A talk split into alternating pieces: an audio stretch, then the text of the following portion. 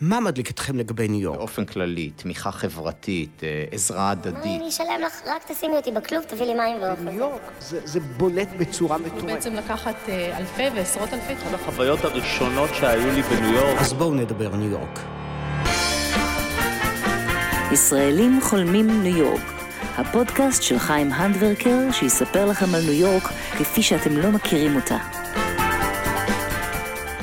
שלום וברוכים הבאים לחולמים ניו יורק. היום אנחנו מארחים את פרופסור ניר ברזילי מהמכון לחקר הזקנה בבית הספר לרפואה על שם איינשטיין בניו יורק, חוקר בולט בתחום הלונג'ביטי, אם תרצו אריכות החיים. פרופסור ברזילי יספר לנו מה צריך לעשות כדי להאריך את תוחלת החיים שלנו, וגם על גלולה שהוא מאמין שיכולה להאריך את חייכם. לי קוראים חיים אנדברקר, את הפודקאסט הזה עורכת יולה בארי, שגם נמצאת איתנו היום באולפן. והנה, אנחנו מתחילים.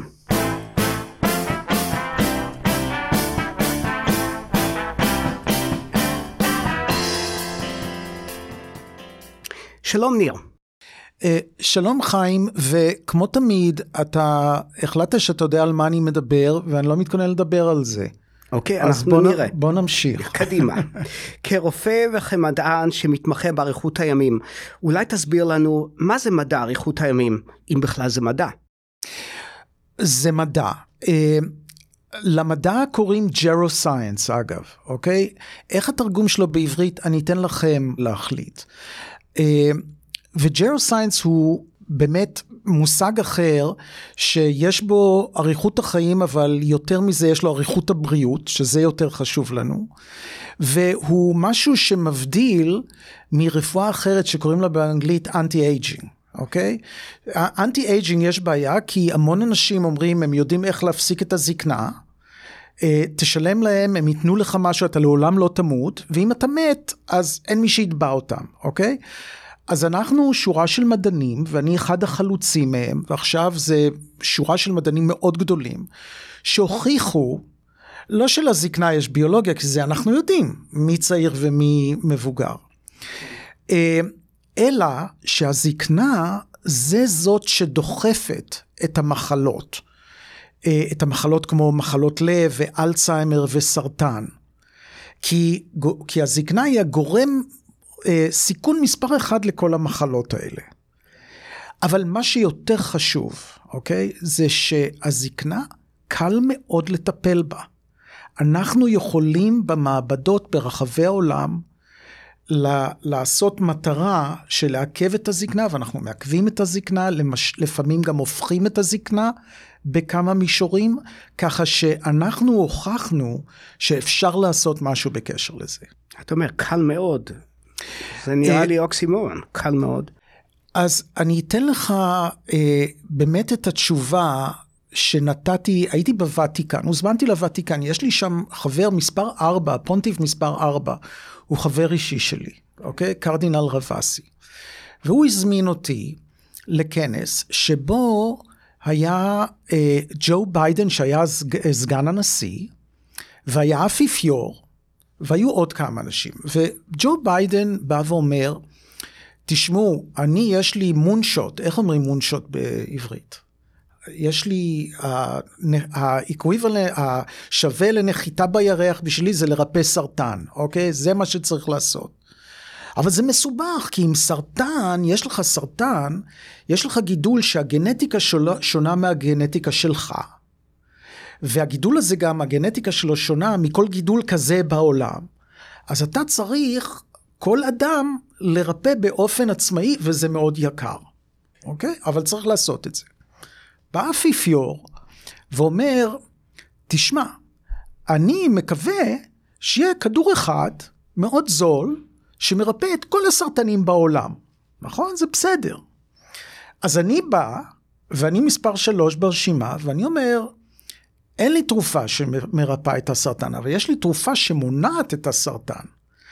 אבל לא רק היא מונעת את הסרטן, היא מונעת גם את מחלות הלב, ואת האלצהיימר, ואת הסכרת, ואת התמותה, אוקיי?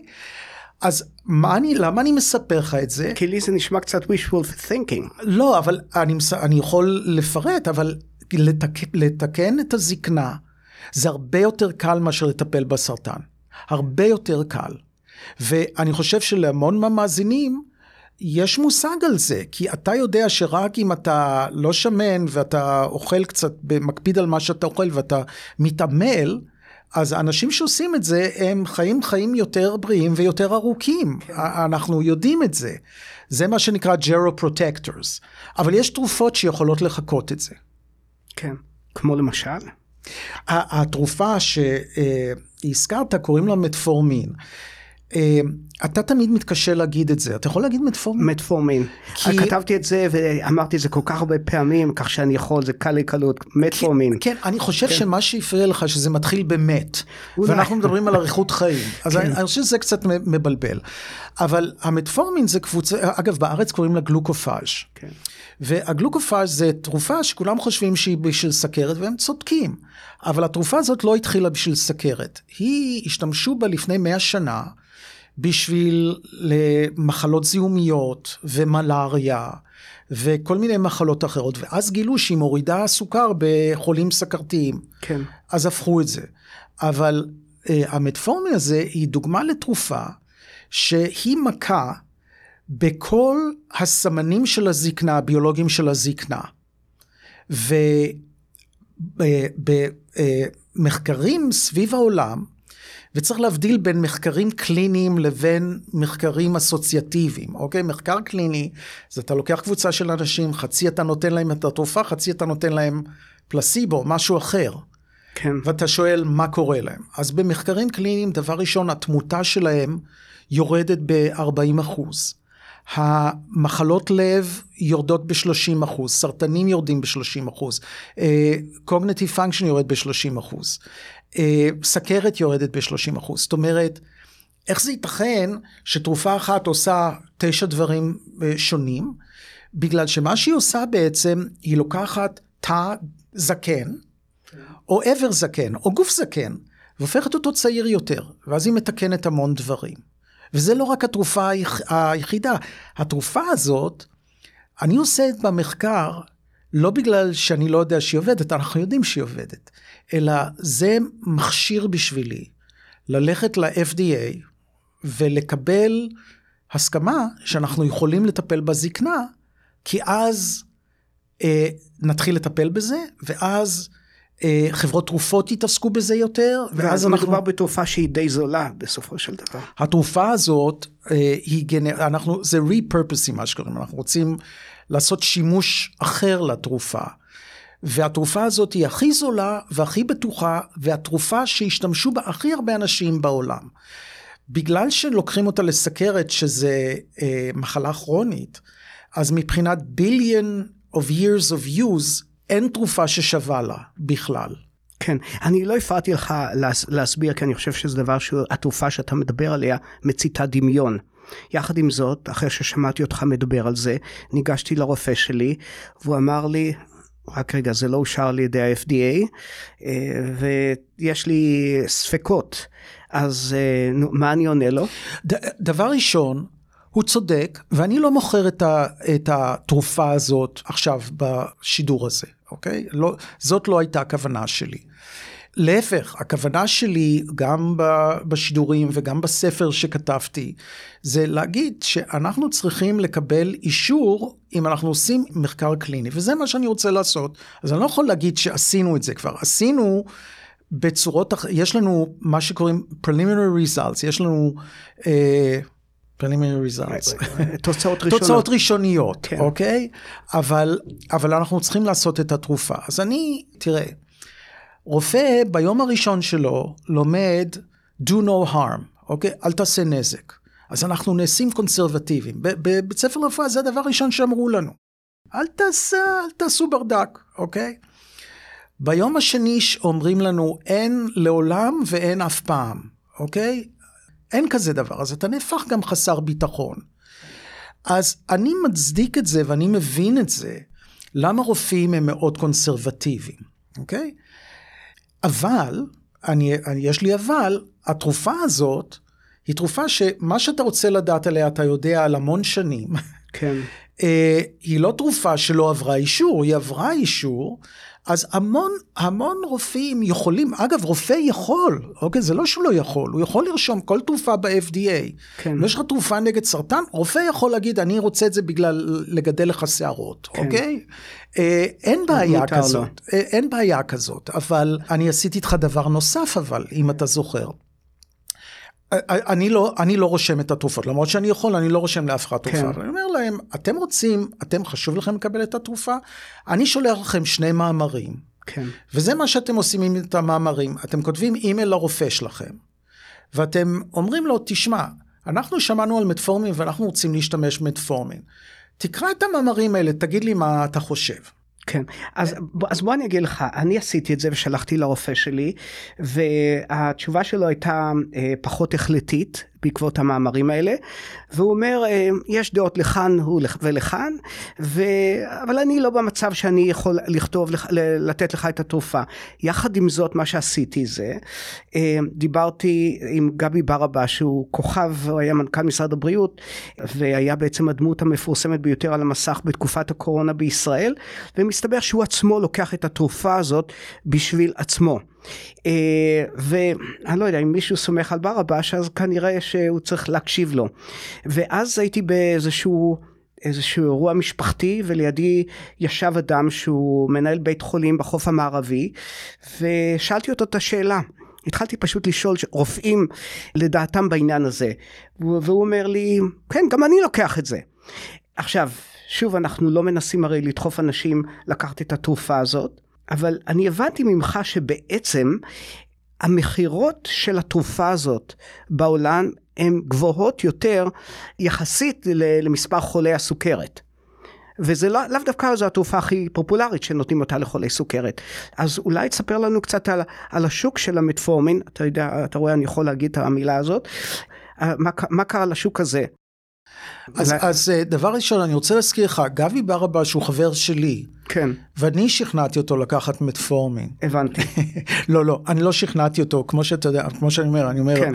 אתה רוצה לדעת, אני אתן לך, אבל, אה, אבל אה, כן, גבי ברבש עושה את זה. אוקיי, תגיד לי, שאלתי- אה, רגע, רגע, אני. אני יודע, אני יודע, אבל כן. אני לא מבין.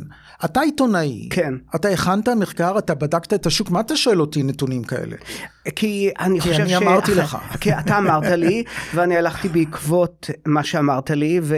וגיליתי שיש בזה אמת, אבל משום שאתה אורח שלנו, אז הייתי רוצה לשמוע ממך על השוק הצדדי שנוצר סביב כן. המטפורמין, מסיבות שהן לא קשורות לסוכרת. כן, ב- ל- ל- וללא ספק, אה, אני מבין, ועוד פעם, אני לא יכול, אני לא יכול לתת לך את הנתונים. הנתונים גם קצת קשים כי יש המון חברות שמייצרות מטפורמין וכל מיני, כל מיני דברים שקורים, אבל השמועה אומרת שיש עלייה של בין 10 10 ל-20 אחוז בשנה להשתמשות במטפורמין.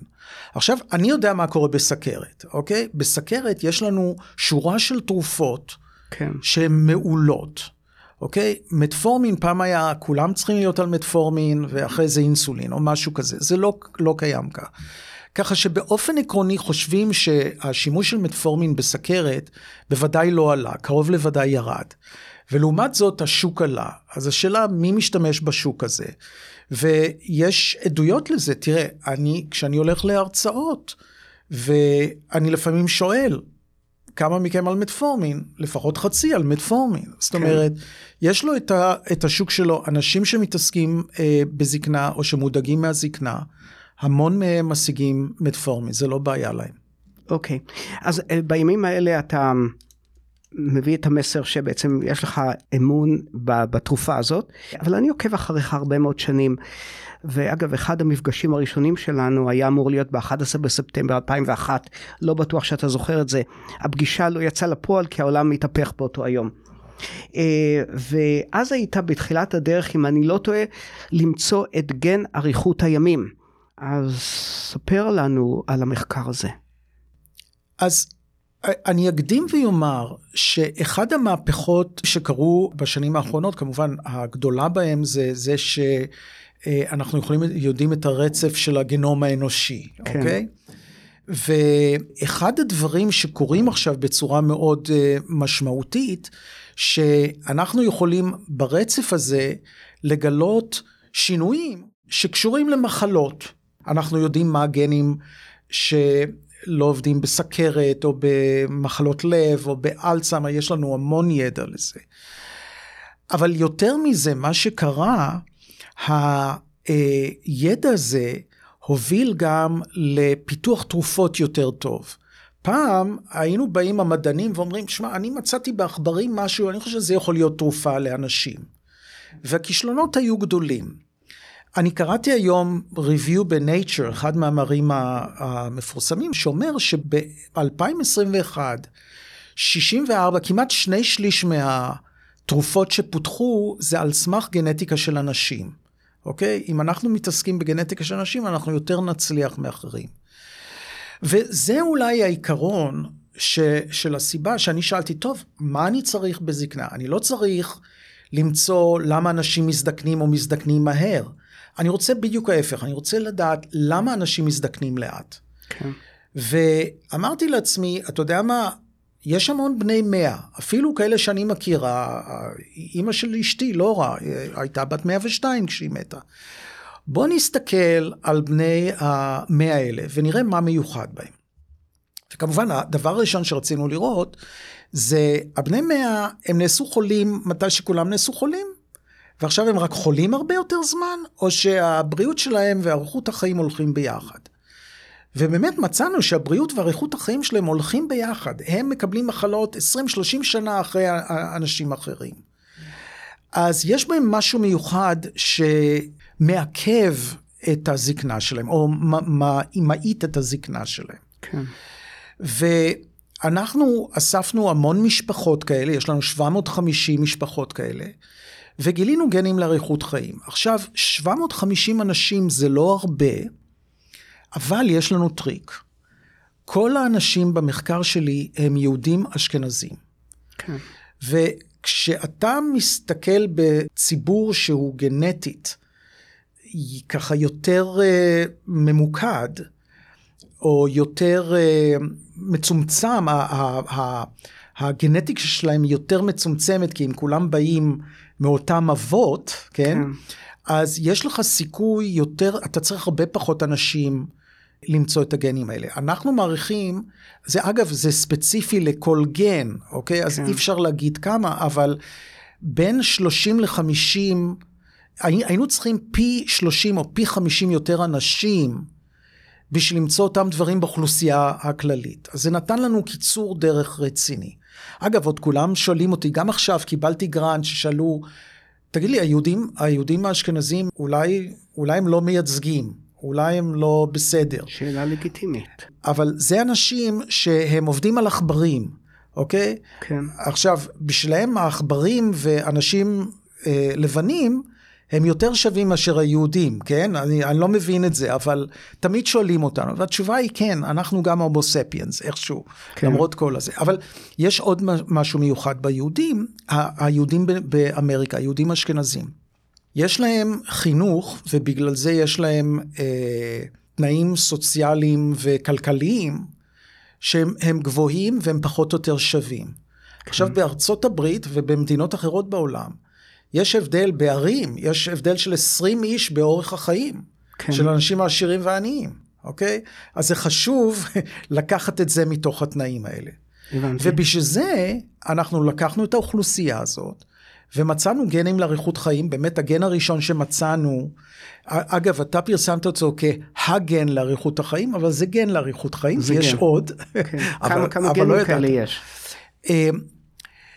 אה, תראה, uh, 50 ways to leave your lover, אוקיי? Okay? יש uh, כמה צורות להגיע לבני 100, אז יש, יש יותר מאחד, יש יותר מעשר ופחות מחמישים לפי דעתי. איך אתה יודע שמדובר בגנים לאריכות ימים? כי מה שאנחנו אז אני, אני אתן לך דוגמה. זאת אומרת, יש לאותם אנשים, לבני המאה, גנים ספציפיים שאין לאחרים? זה לא, אוקיי. זו שאלה מצוינת ואני מצטער שנפלתי בזה, אוקיי? זה לא שלכולנו יש גנים, אבל פתאום יש גן נוסף לאנשים שמאריכים חיים. לא. כשאנחנו מדברים על גנים לאריכות חיים, או כשאנחנו מדברים על גנטיקה, יש שינוי על איזשהו גן, שגורם לו, לפונקציה שלו, לתפקוד שלו, להיות שונה. כן. או יותר אקטיבי או פחות אקטיבי, אוקיי? אז איך אנחנו יודעים? אז בוא אני אתן לך דוגמה, לא את הדוגמה שלך ה- הישנה, שהיא טובה, כי 60 אחוז מהיהודים שלנו, יש להם הפרעה בפעילות של הורמוני גדילה. כן. אוקיי? עכשיו, יש הורמון גדילה אחד, אבל יש המון הורמוני גדילה, אוקיי? אז אני, אני, אני לא נותן שיעור בהורמוני גדילה עכשיו, אני רק אומר, בהורמוני הגדילה, 60% מהם יש להם הפרעה בהורמוני הגדילה. ומה שקורה זה שאנחנו יודעים בטבע שהגמדים חיים יותר, אוקיי? זאת אומרת, יותר, יותר זמן.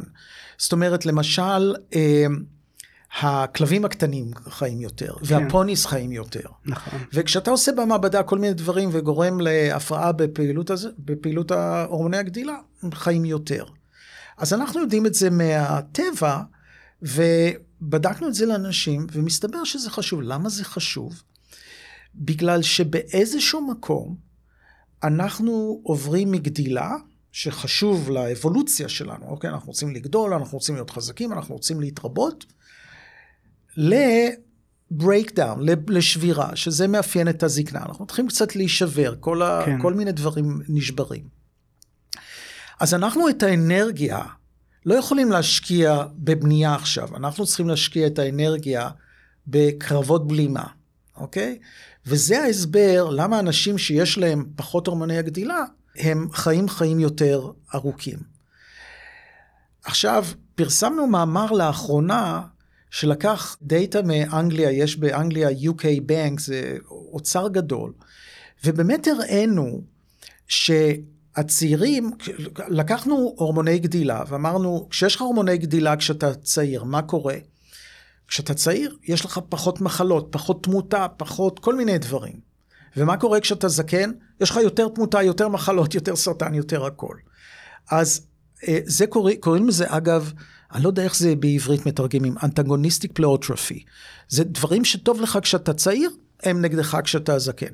אתה, כשאתה צעיר, אתה צריך אה, כולסטרול לתאים, לשחלות, לאשכים וזה. כשאתה גדול, נת, כשאתה זקן, אתה נתקע עם כולסטרול, יש לך, זה מצטבר בלב. אולי זה, מכל הדוגמאות, זו מה שרציתי להגיד, אני יכול לתת לך דוגמאות אחרות. אבל אבל... שוב, אז איך המטפורמין, מה הוא עושה בהקשר של הגנים האלה? אז, אז זה מעניין, מטפורמין בעצמו מוריד את אחד מהורמוני הגדילה הראשיים, קוראים לזה IGF-1, הוא מוריד את הרמות שלו. אבל, אבל לזקנה יש, אמרתי, יש סמנים, יש תשעה סמנים, אוקיי? כן. להיות סמן אתה צריך להראות שזה מתקלקל, זה קורה לך בזקנה, וכשאתה מתקן את זה, אז אתה מקבל, החיות שלך הן יותר בריאות וחיות יותר זמן, אוקיי? וכל התרופות האלה עושות הרבה דברים, אבל אתה רואה את השינוי בכל. אני למשל, על מטפורמין, התחלתי בגלל שהייתי פרי סכרתי, מה שקוראים, אבל אני לא הסכמתי שיפסיקו לי מאז. והורמון הגדילה שלי, הוא מאוד נמוך, כן. ואני מאוד שמח, אני חושב שזה בגלל מטפורמין, כי אה, אין לי בעיות אחרות ואני מפתח שרירים וכל הדברים האלה, אבל אני חושב שהוא מגן עליי, בוודאי כן. מפני, מפני סרטן ודברים אחרים. איפה עומד המחקר ב, בתחום של אריכות הימים מעבר למה שדיברנו עד עכשיו?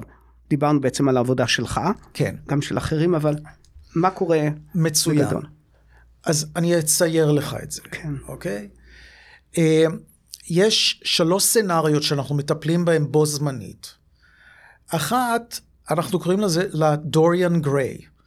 אני יודע שהמון מאזינים קראו את דוריאן גריי. דוריאן גריי הפסיק להזדקן, אוקיי? אבל כשהוא היה מסתכל בראי הוא היה רואה שהוא זקן. אגב, תנסה את זה בזום, זה עובד נהדר. אני מסתכל בזום ואני אומר, טוב, אני הרבה יותר צעיר, זה רק מראה לי את הגיל שלי, אוקיי? ואז... אני עושה את זה עם מראה. כן. יש לי, יש לי בתיק מראה, זה, זה סיבה אחרת, אני שם אותה על אנשים, כי אני רגיל לראות בזום, אני רגיל לראות את עצמי, אז אני שם לו. אבל המטפורמין, יש עוד תרופות שאני אגיד את השם שלהם, רפמייסין, זה תרופות שהם הדוריאן גריי, אוקיי? הם, בוא, בוא, אתה כבר אה, התבגרת, בוא ננסה לעצור את הזקנה שלך. כן. הסצנריו השני, אני קורא לזה מעיין הנעורים, או וולברין, אני לא יודע אם אתה, אם הצעירים מכירים את הוולברין, או יולה ת, תסביר אחר כך. אה, מעיין, ה, מעיין הנעורים זה לקחת אדם זקן, לשים אותו במים, הוא יוצא צעיר בצד השני. Not happening, אוקיי? לא הולך לקרות, כן. אוקיי? אבל יש לנו תרופות, אוקיי? שלפחות כרגע יש ניסויים באנשים, אבל כרגע בעכברים ובחולדות, בהמון מודלים, הראו שאתה לוקח חולדות זקנות ומטפל בהן, הן נעשות יותר בריאות. הן לא חיות יותר זמן, אגב, הן רק נעשות יותר בריאות. כן. במקום להתחיל למות ממחלות, הן נשארות בריאות, בריאות, בריאות, ואז הן מתות יום אחד. לא, לא מעריך הרבה את אה, אורך החיים שלהם. אז זה הסצנריו השני. הסצנריו השלישי, אני קורא לזה פיטר פן, אוקיי? אתה לא מזדקן.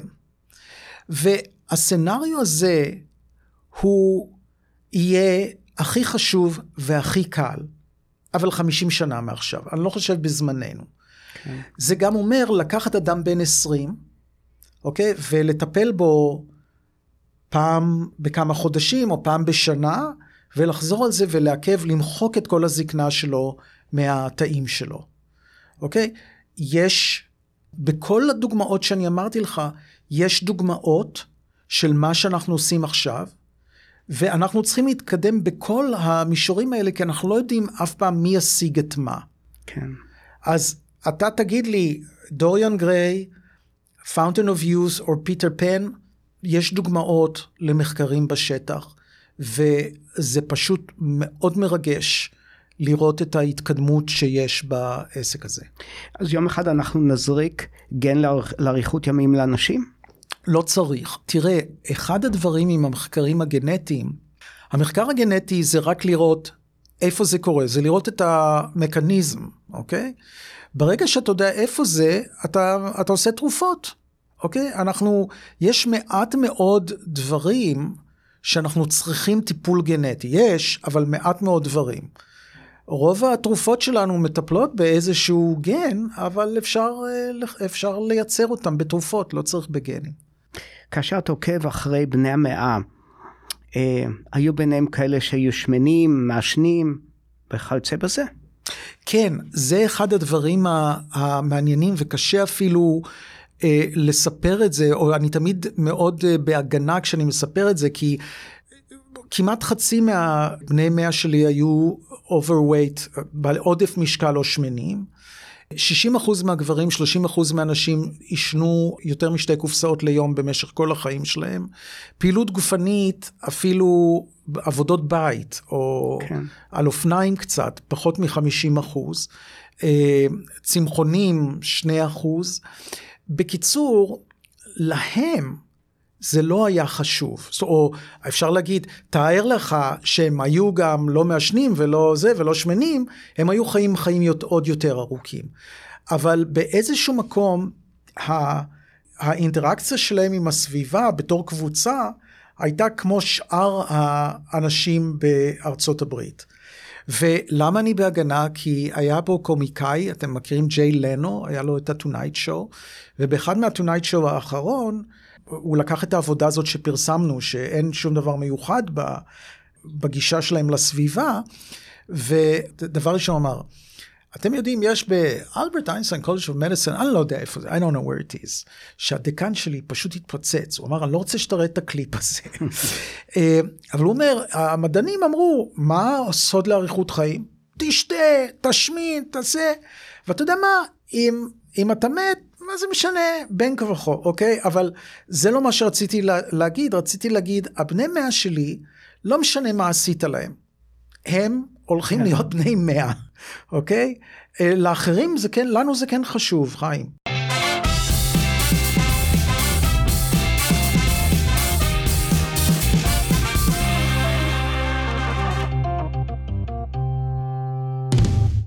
אתה נולדת בארץ, גדלת בישראל, איך התגלגלת לכאן, לתוך התחום של אריכות הימים?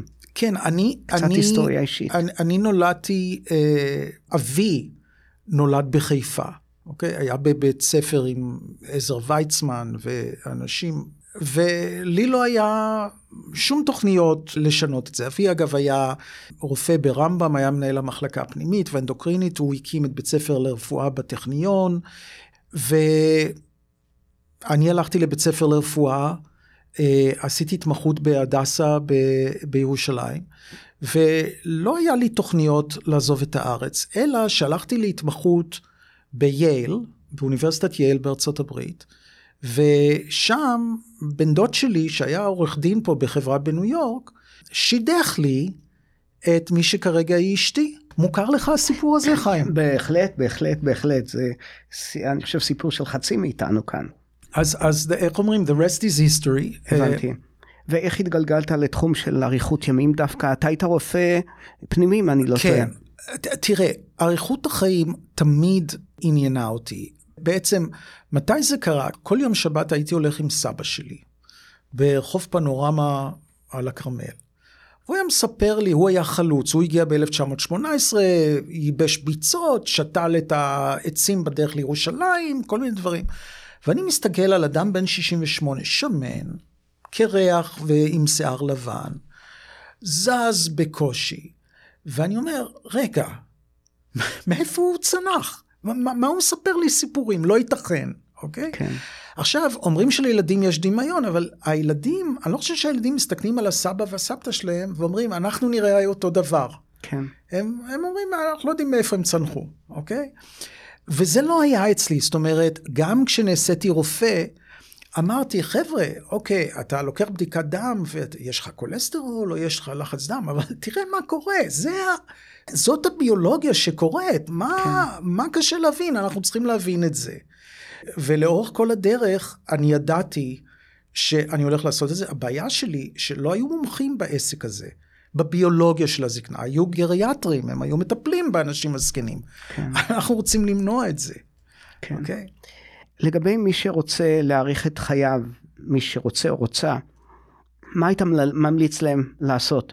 חוץ מלקחת מטפורמין. לא, אז על מטפורמין אני לא ממליץ, נכון? בואו, כן, let's, כן. let's come clean here.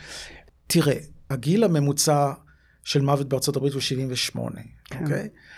יש לנו יכולת כמין ל-115 שנה, זה סטטיסטיקה, אוקיי? יש מישהו שחי עד 122, אבל 115 שנה. אז אנחנו, יש לנו 35 שנה שעוד לא ניצלנו, אוקיי? כן. וזה מה שקוראים ה-low hanging fruits. כן. אה, סליחה. אה, ו, ואפשר להתחיל לטפל בזה, אבל ללא ספק, מה שכל אחד יכול להתחיל, זה דברים שקשורים רק בנו או רק בסביבה.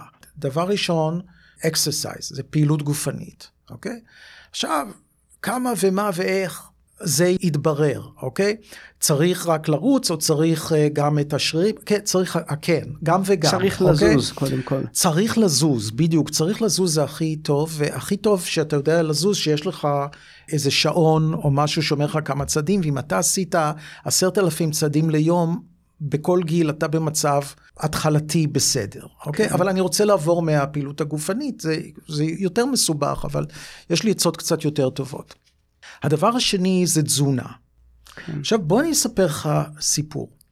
זה הדבר הראשון שעשיתי כשניגעתי לזקנה. למה? כי אתה היית לוקח חולדות או עכברים, והיית לוקח כולם אחים, חצי היית שם בכלובים, ונותן להם לאכול מה שהם רוצים, ולחצי היית אומר, אני נותן להם 60% מזה. אלה שקיבלו רק 60% מהאוכל, היו יותר בריאים וחיו חיים יותר ארוכים, אוקיי? אז זה קראו לזה caloric restriction, זה האינטרוונשן הגדול מאוד. ואז אנשים אמרו, אתה רואה, זה אומר, אתה צריך לאכול פחות לארוחת בוקר, פחות לארוחת צהריים, פחות לארוחת ערב. טוב, לך, לך תאכל פחות. אבל... אתה רוצה להוסיף עוד eating disorders ממה שיש בשוק היום. אם, אם אני רוצה לאכול 60 אחוז מארוחת בוקר, אני קודם מוסיף 40 אה, אחוז, כן. אוקיי? אה, אגב, הרמב"ם אמר, תשאיר בצלחת, אוקיי? זאת אומרת, זה לא סוד, כולם ידעו שלאכול יותר מדי זה לא טוב, כן. אוקיי? אבל כמה? אנחנו... תראה, ב caloric restriction אתה יודע, גם סיפור אחד אתה יודע, אם אתה נותן להם אפס לאכול, אז הם ימותו תוך כמה ימים. כן. אז השאלה כמה לאכול. אבל זה לא, זאת לא הייתה הבעיה. הבעיה היא שבמעבדה אנחנו היינו מביאים את כל האוכל בבוקר, כן. אוקיי? שמים את האוכל בבוקר, החולדות רעבות נורא, הן אוכלות את כל האוכל. ואז הן צמות עוד 23 שעות. אז זה לא רק פחות אוכל, זה גם צום. כן. כשהתחלנו לתת להם לאכול לאורך היום, הם היו יותר רזות, כי הם קיבלו פחות אוכל, הם לא חיו יותר. אז הצום נעשה דבר חשוב. אז זה מה שאנחנו עושים, זה קוראים לזה intermittent fasting. כן. אה, אני עושה משהו שנקרא 16-8, אז אני 16 שעות בצום, זה לפחות 16. אז למשל, אתמול גמרתי לאכול ב-6.45, ולפני שבאתי לפה הייתה לי פגישה בחומוס קיצ'ן ב-82, באחד וחצי התחלתי לאכול, יותר מ-17 וחצי אז שעות. בעצם אתה משתולל לאוכל בשמונה השעות שמותר לך? וכן, אבל מסתבר, מסתבר, אני לא יודע כי אני לא מודד, אבל מסתבר שאני אוכל, זה לא שאני משלים את הכל. אני לא משלים את הכל, אני אוכל פחות, אני יודע, אני ירדתי במשקל. אתה זוכר שהייתי שמנמן פעם? כן, גם אז היית יפה. אז, אז מה שאני אומר, אני מאמין שהצום הזה הוא מאוד חשוב, ואני לומד את הביולוגיה שלו. מה בדיוק קורה מבחינת הסמנים של הזקנה שזה עושה את זה? אוקיי, דבר שלישי, רק מהר מאוד, זה השינה, כן. אוקיי? עכשיו, הבעיה עם השינה זה שאני לא יכול להגיד לך, תישן יותר. זאת אומרת, יש אנשים שהם לא, הם יודעים, הם לא ישנים, אני צריך לישון יותר, אבל אני תמיד אה, רואה טלוויזיה, ואני לא זה, ואני בסוף לא נרדם ולא מתעורר, וכל מיני דברים כאלה. לא, אני מדבר, אתה יודע שאתה רוצה לישון, אבל אה, אתה לא נרדם, אוקיי? מה אתה עושה? התרגיל זה שאתה צריך להיות שמונה שעות במיטה, בחדר חשוך ויחסית קר. כן. אתה לא יכול עם טלפון, ולא עם נורות, ולא עם צפצופים, ואם אתה עושה את זה, אתה תקבל עוד שינה. אז, אז אלה שלושת הדברים אז האלה. אז נניח שנרדמתי, אחרי ארבע שעות, חמש שעות התעוררתי, אתה אומר, לך תישאר בשקט במיטה לשלוש שעות, תעשה מדיטציה, תעשה מה שאתה רוצה.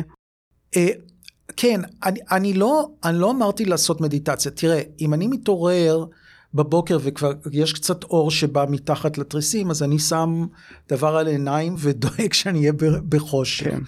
אבל אם אתה אומר, אוקיי, אני עכשיו מנסה, וזה קשה, זה העניין, כי לפעמים יש לך מחשבות ודברים כאלה, אבל אם אתה לא מתעורר ולא עושה משהו, אם אתה אומר, אני בשקט נמצא פה, ואני יוצא מעיניים, אתה גם קרוב לוודאי תרדם. כדורי שינה בטח שזה לא רעיון טוב, לצורך העניין הזה. אני, אני משתמש בכדורי שינה בשביל ג'טלג. אוקיי? כן. אבל אני יודע מה לעשות עם זה, ואני יודע גם, כדור שינה, אני יודע שעשרה מיליגרם של אמביאן זה חמש שעות שינה בשבילי.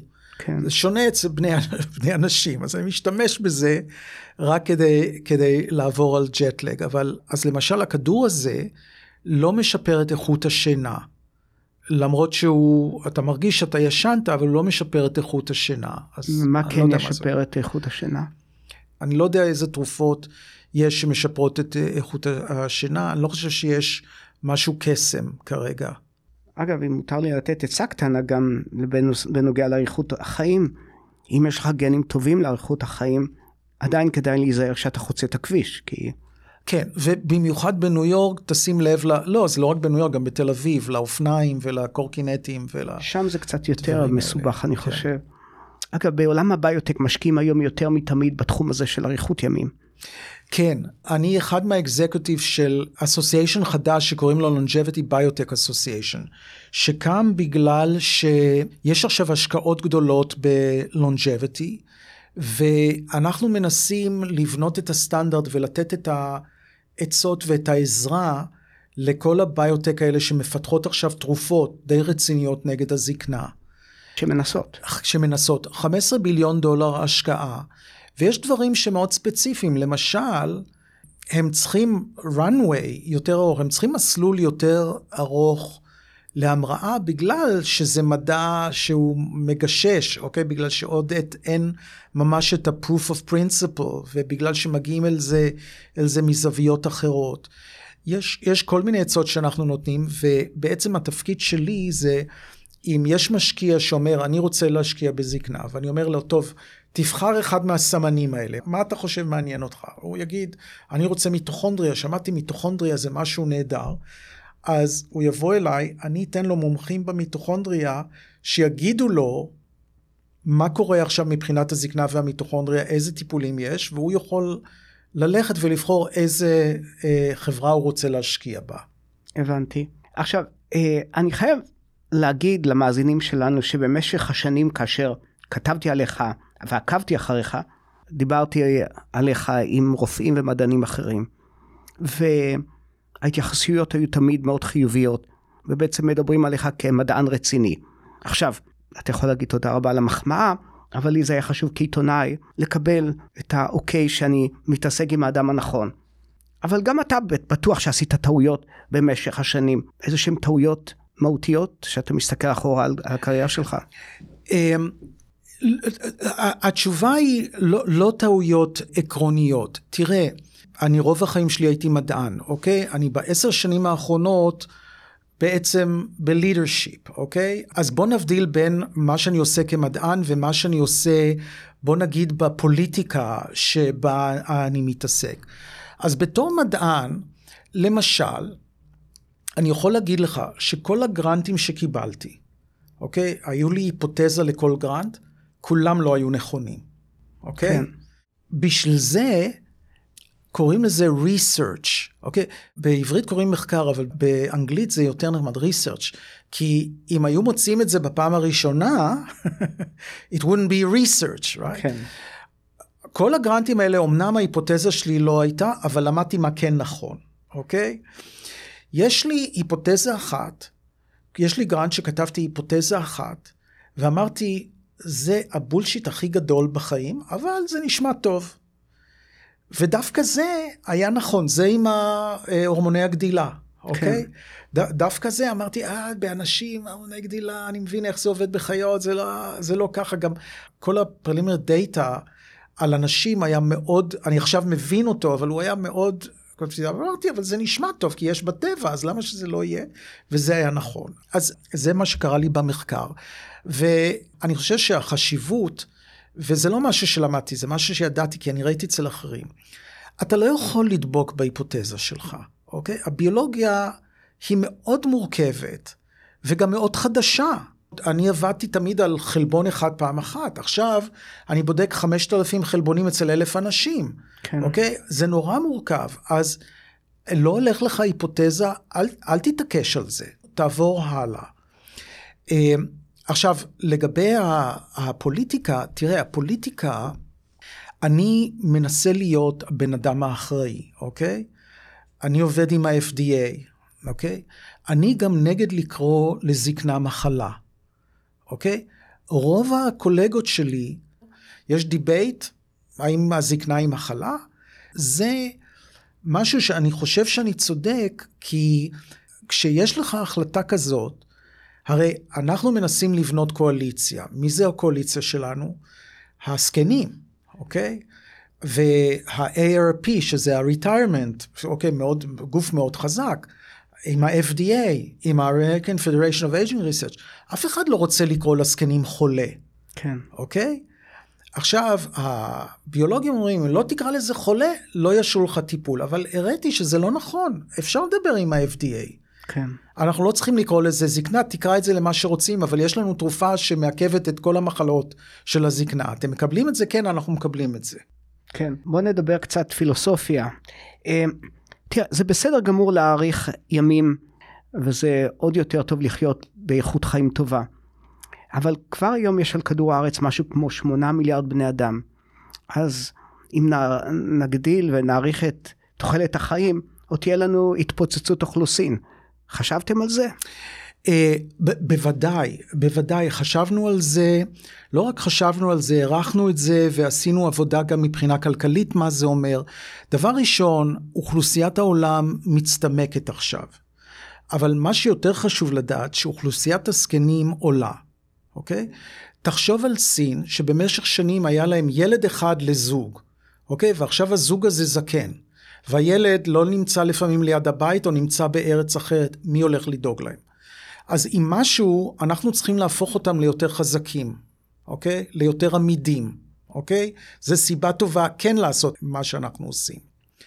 דבר שני, אתה יודע, הייתי בדבוס, בפורום הכלכלי, ומישהו קם ואמר, אולי הפתרון הכי טוב בעולם זה להרוג את כל מי שמעל גיל 65. כמובן לא אמר את זה ברצינות. כן. אוקיי, אם, אם מחר מתים כל אלה בני 65, 40 אחוז מהכלכלה העולמית זה בידיים שלהם. עכשיו, אנחנו התחלנו להסתכל על זה מזווית אחרת, מהזווית של הבני מאה שלנו. ואמרתי לך שהבני מאה חיים יותר בריאים, אבל זה לא מה שמעניין. הם חולים מעט מאוד זמן בסוף הימים. כן. קוראים לזה contraction of morbidity, אה, קיבוץ התחלואה, נגיד, המצאתי את זה עכשיו, יש בטח מילה יותר טובה.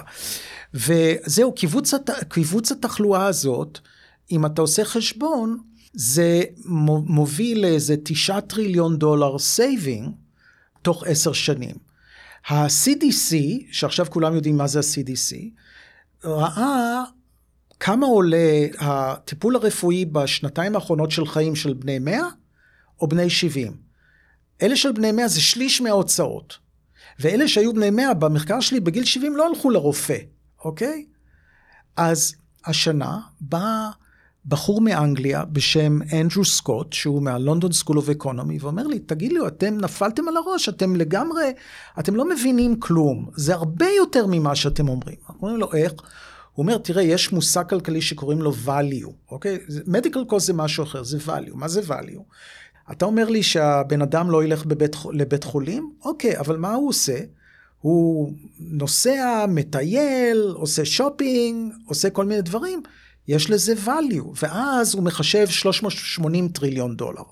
הוא אומר, 10% מזה, 38 טריליון דולר, יפתור global warming. הוא אומר, אי אפשר, אתה לא יכול שלא לטפל בזקנה, כי הזקנה, ה-medical cost של הזקנה, הוא הורס אותנו עכשיו ואין סיבה שהוא יקרה.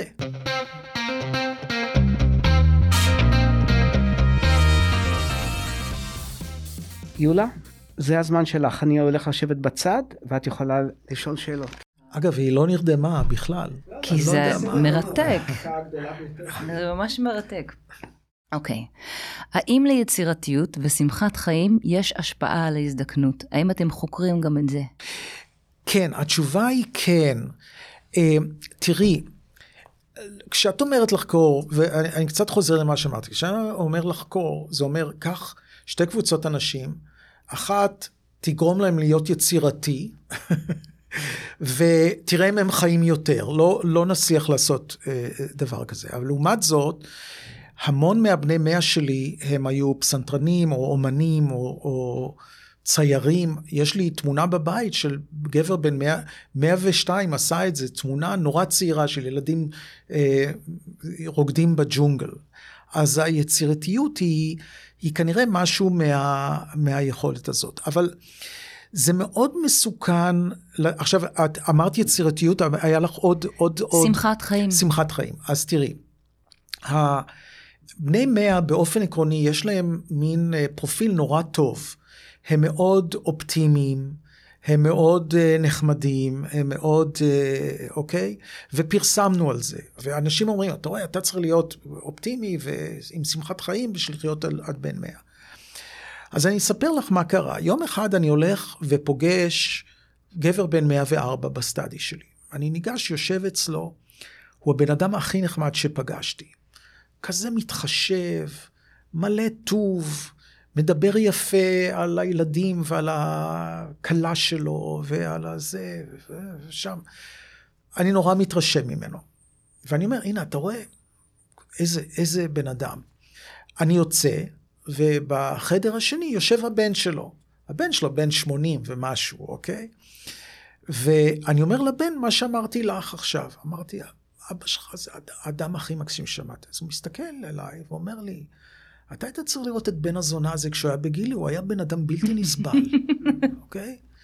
ואז אתה מגלה שעל בעיות של אישיות, על פרסונליטי, אה, אנחנו אומרים זה לא משתנה עם הגיל, אבל בדקו את זה עד גיל 50, 60, עכשיו, אנשים מזדקנים, דבר ראשון, הראש שלהם, המוח שלהם מזדקן, הם עוברים לפנסיה, האישה בעל נפטרים, הם עוברים למקום אחד, הם עוברים למקום אחר, יש חיים מאוד ארוכים, ויש המון שינויים שהם צריכים לעבור אדפטציה.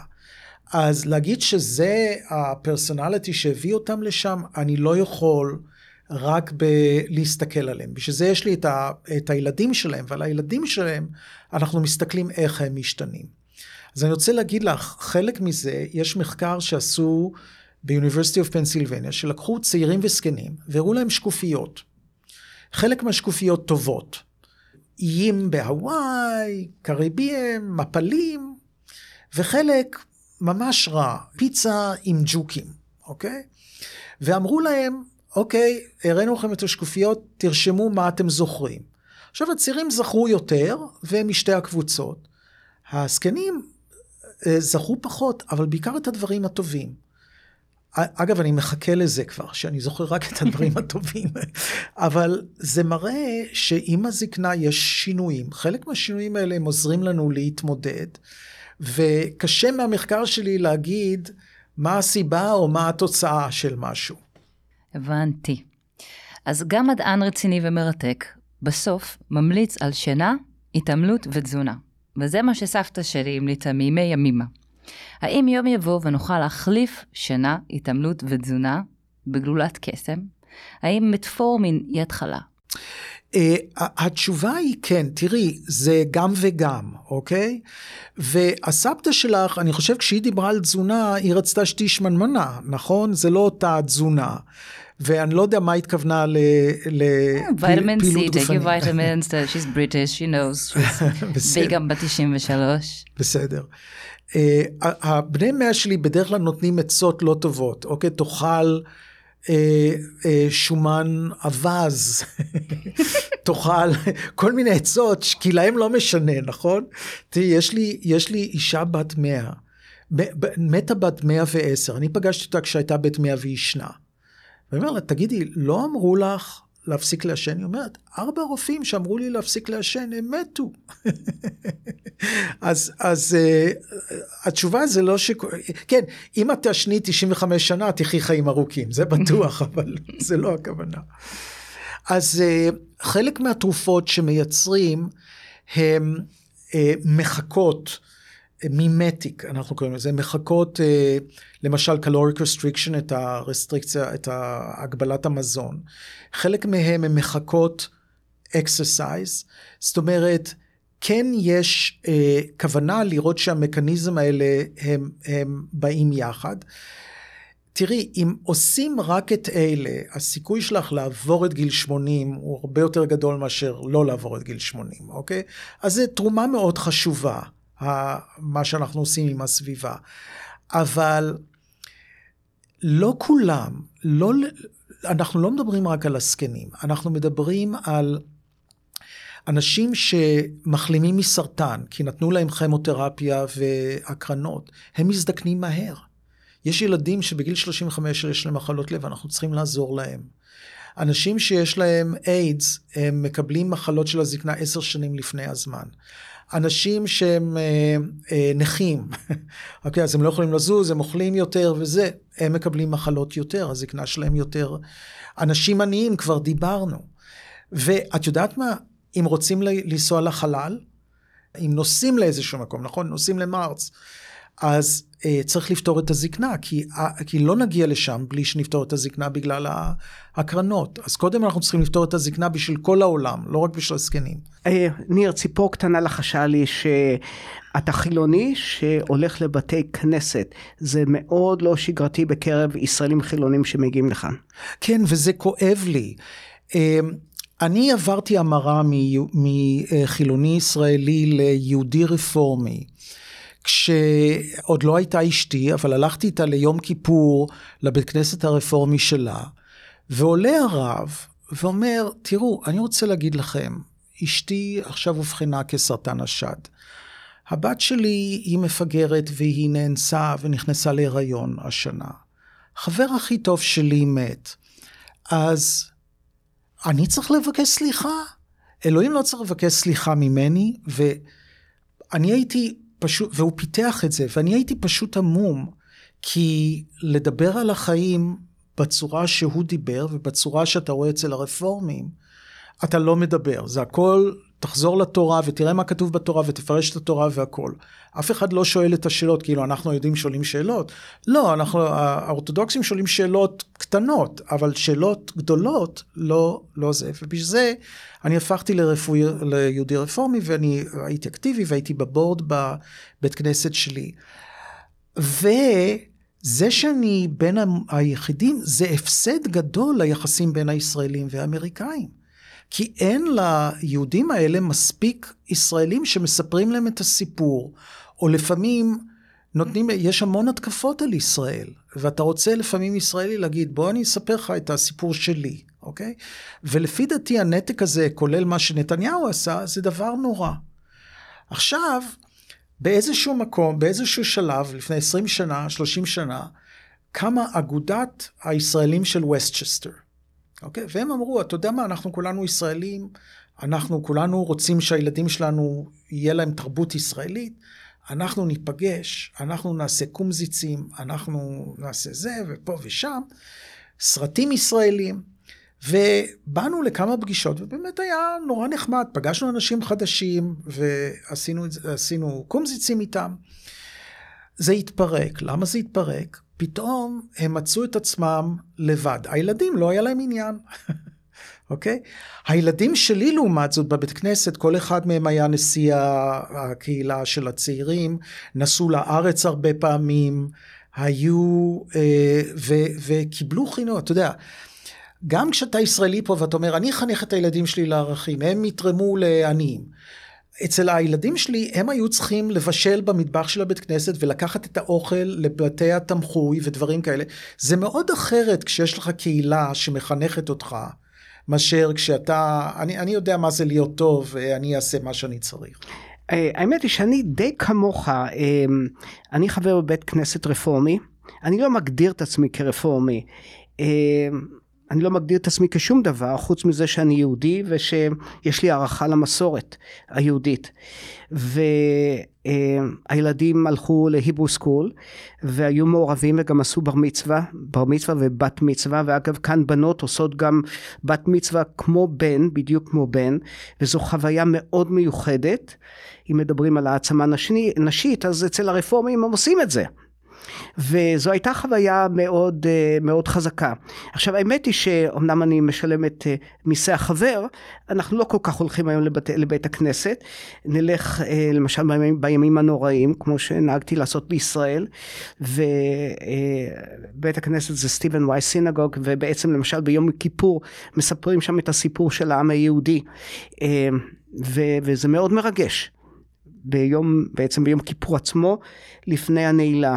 ו, ובית הכנסת מלא, ו, וזה כל פעם חוזרים על סיפור, וזה, אתה פתאום שומע את ה... פתאום את סיפור ההיסטוריה היהודית, כולל ילדים מקשיבים לזה, יש בזה דבר שהוא מאוד מאוד מיוחד. אני לפעמים, כשאני שומע את השירים האלה ואת התפילות האלה, אני מרגיש התרוממות רוח. ולא, אני לא מרגיש את עצמי דתי, אבל אתה יודע מה? זה יפה.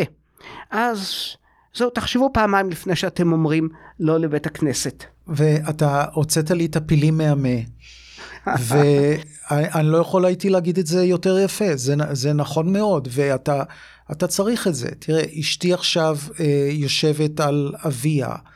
הקהילה הזאת היא מאוד עוזרת. נכון. אוקיי, עכשיו בארץ כן, באים בשבעה וזה, יש את זה, אבל יש לך פה, פה אתה באמריקה, אתה בגולה, יש לך קהילה, היא מאוד עוזרת לך להתגבר על, ה, על הצער בתור דוגמה, אבל כל מה שאמרת היה יפה. עכשיו זו ההזדמנות שלך לשאול אותי שאלות, או שאלה. אמ, שתי שאלות יש לי אליך. אתה חושב שיותר מסוכן לחיות פה או לחיות בארץ? תראה, בכל מקום שאתה חי יש מידה של סיכון.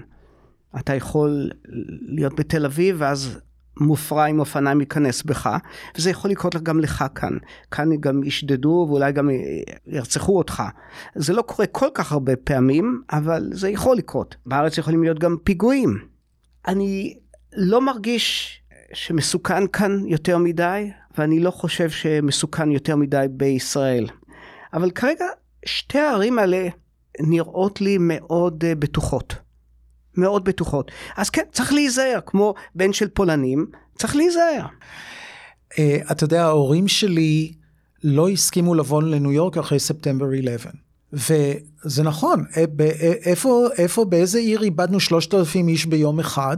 באיזה עיר, אפילו אם אתה עושה יחסי, באיזה ארץ נהרגים 70 אלף איש בשנה מיריות? זה, אני חושב שפה יותר, יותר מסוכן. ואני אגיד לך עוד דבר שהוא הכי חשוב מבחינה, אני אומר לך את זה מבחינה מדעית עכשיו. תוחלת החיים של גברים בארץ היא השנייה בעולם, אחרי יפן. מה שמראה לך שעם המלחמות וכל הדברים וכל ההרוגים, זה לא משפיע כל כך הרבה. עדיין הגבר הישראלי, הוא יש לו אריכות החיים הכי גדולה. אז אני, זה מעניין מה שאתה אומר, ואני מקבל שרוב האנשים אומרים, אתה חי פה, אתה חי שם, אבל אני לא מרגיש פה את הביטחון שאני מרגיש בארץ. אה, במחשבה שנייה, אני חושב שאתה צודק. אני חושב שבישראל, אה, אלא אם כן נופלת עליך איזושהי רקטה, אה, אני חושב שבטוח יותר, ואם לא דורסים אותך כמובן, אז כן, באופן כללי זה בטוח יותר. אוקיי, okay, שאלה שנייה.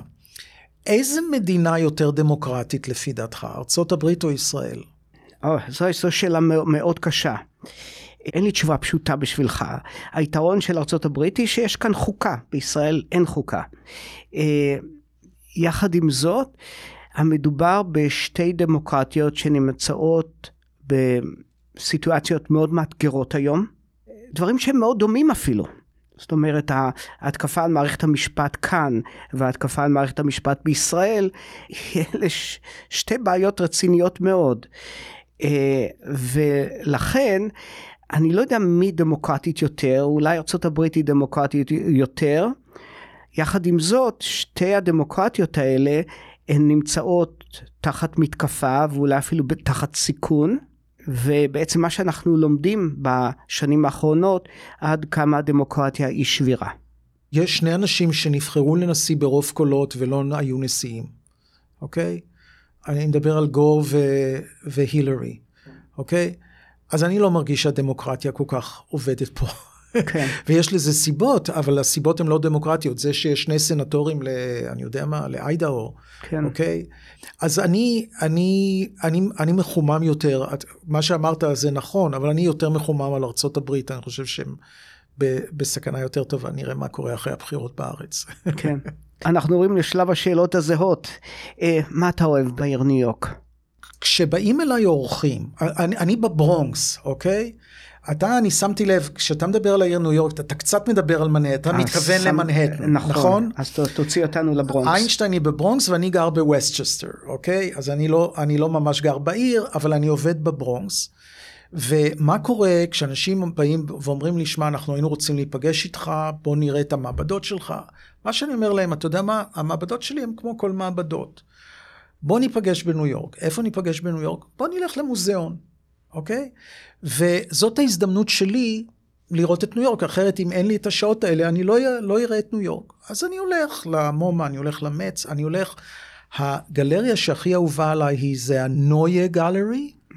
של לאודר. Uh, כן.